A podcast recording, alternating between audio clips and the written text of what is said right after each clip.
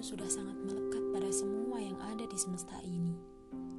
Setiap orang sudah pasti memiliki takdirnya masing-masing. Dan salah satu takdirku adalah bertemu denganmu.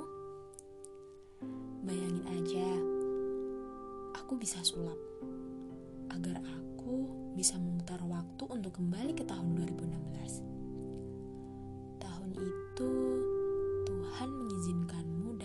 Di kehidupanku.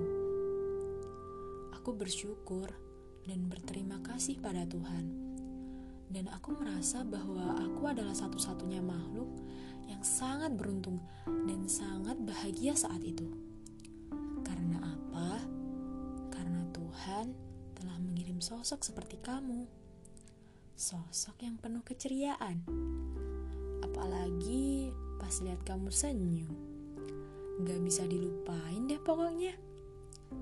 Hmm, kamu inget gak pas kita saling bertukar penangkap mimpi? Itu loh yang katanya bisa menangkap mimpi-mimpi buruk saat tidur. Atau masih ingat gak kita pernah pulang sekolah bersama? Walaupun kita mengayuh sepeda kita masing-masing. Mungkin itu terdengar sederhana dan gak menarik buat kalian. Tapi sungguh, percayalah, hal sederhana itu membuatku bahagia. Walaupun hanya bertahan dalam kurun satu tahun. Dan pada akhirnya, saat-saat yang tidak kuinginkan pun terjadi. Dengan kesibukan kita masing-masing, kita dipaksa oleh waktu untuk berpisah sudah tidak saling mengirim kabar, dan bahkan sudah kembali menjadi orang asing.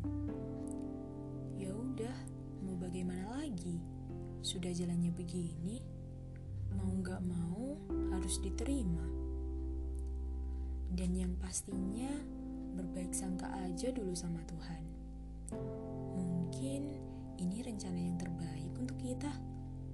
Dan aku yakin di balik kesedihan dan kehilangan, pasti ada hal baik dan membahagiakan yang menanti kita di ujung sana. Dan benar saja, setelah lima tahun kita tidak saling bertukar kabar atau bisa dikatakan lost contact lah ya. Tiba-tiba Tuhan mengirimmu kembali untuk datang di kehidupanku lagi. Lebih tepatnya, akhir tahun 2020 lalu. Aku terdiam saat itu bingung rasanya mau bahagia atau enggak. Yang pasti lembaran-lembaran kenangan yang sudah usang lima tahun lalu itu kini terbuka lagi. Aku sangat bersyukur karena Tuhan telah menjawab doa-doaku. Iya, melalui dirimu.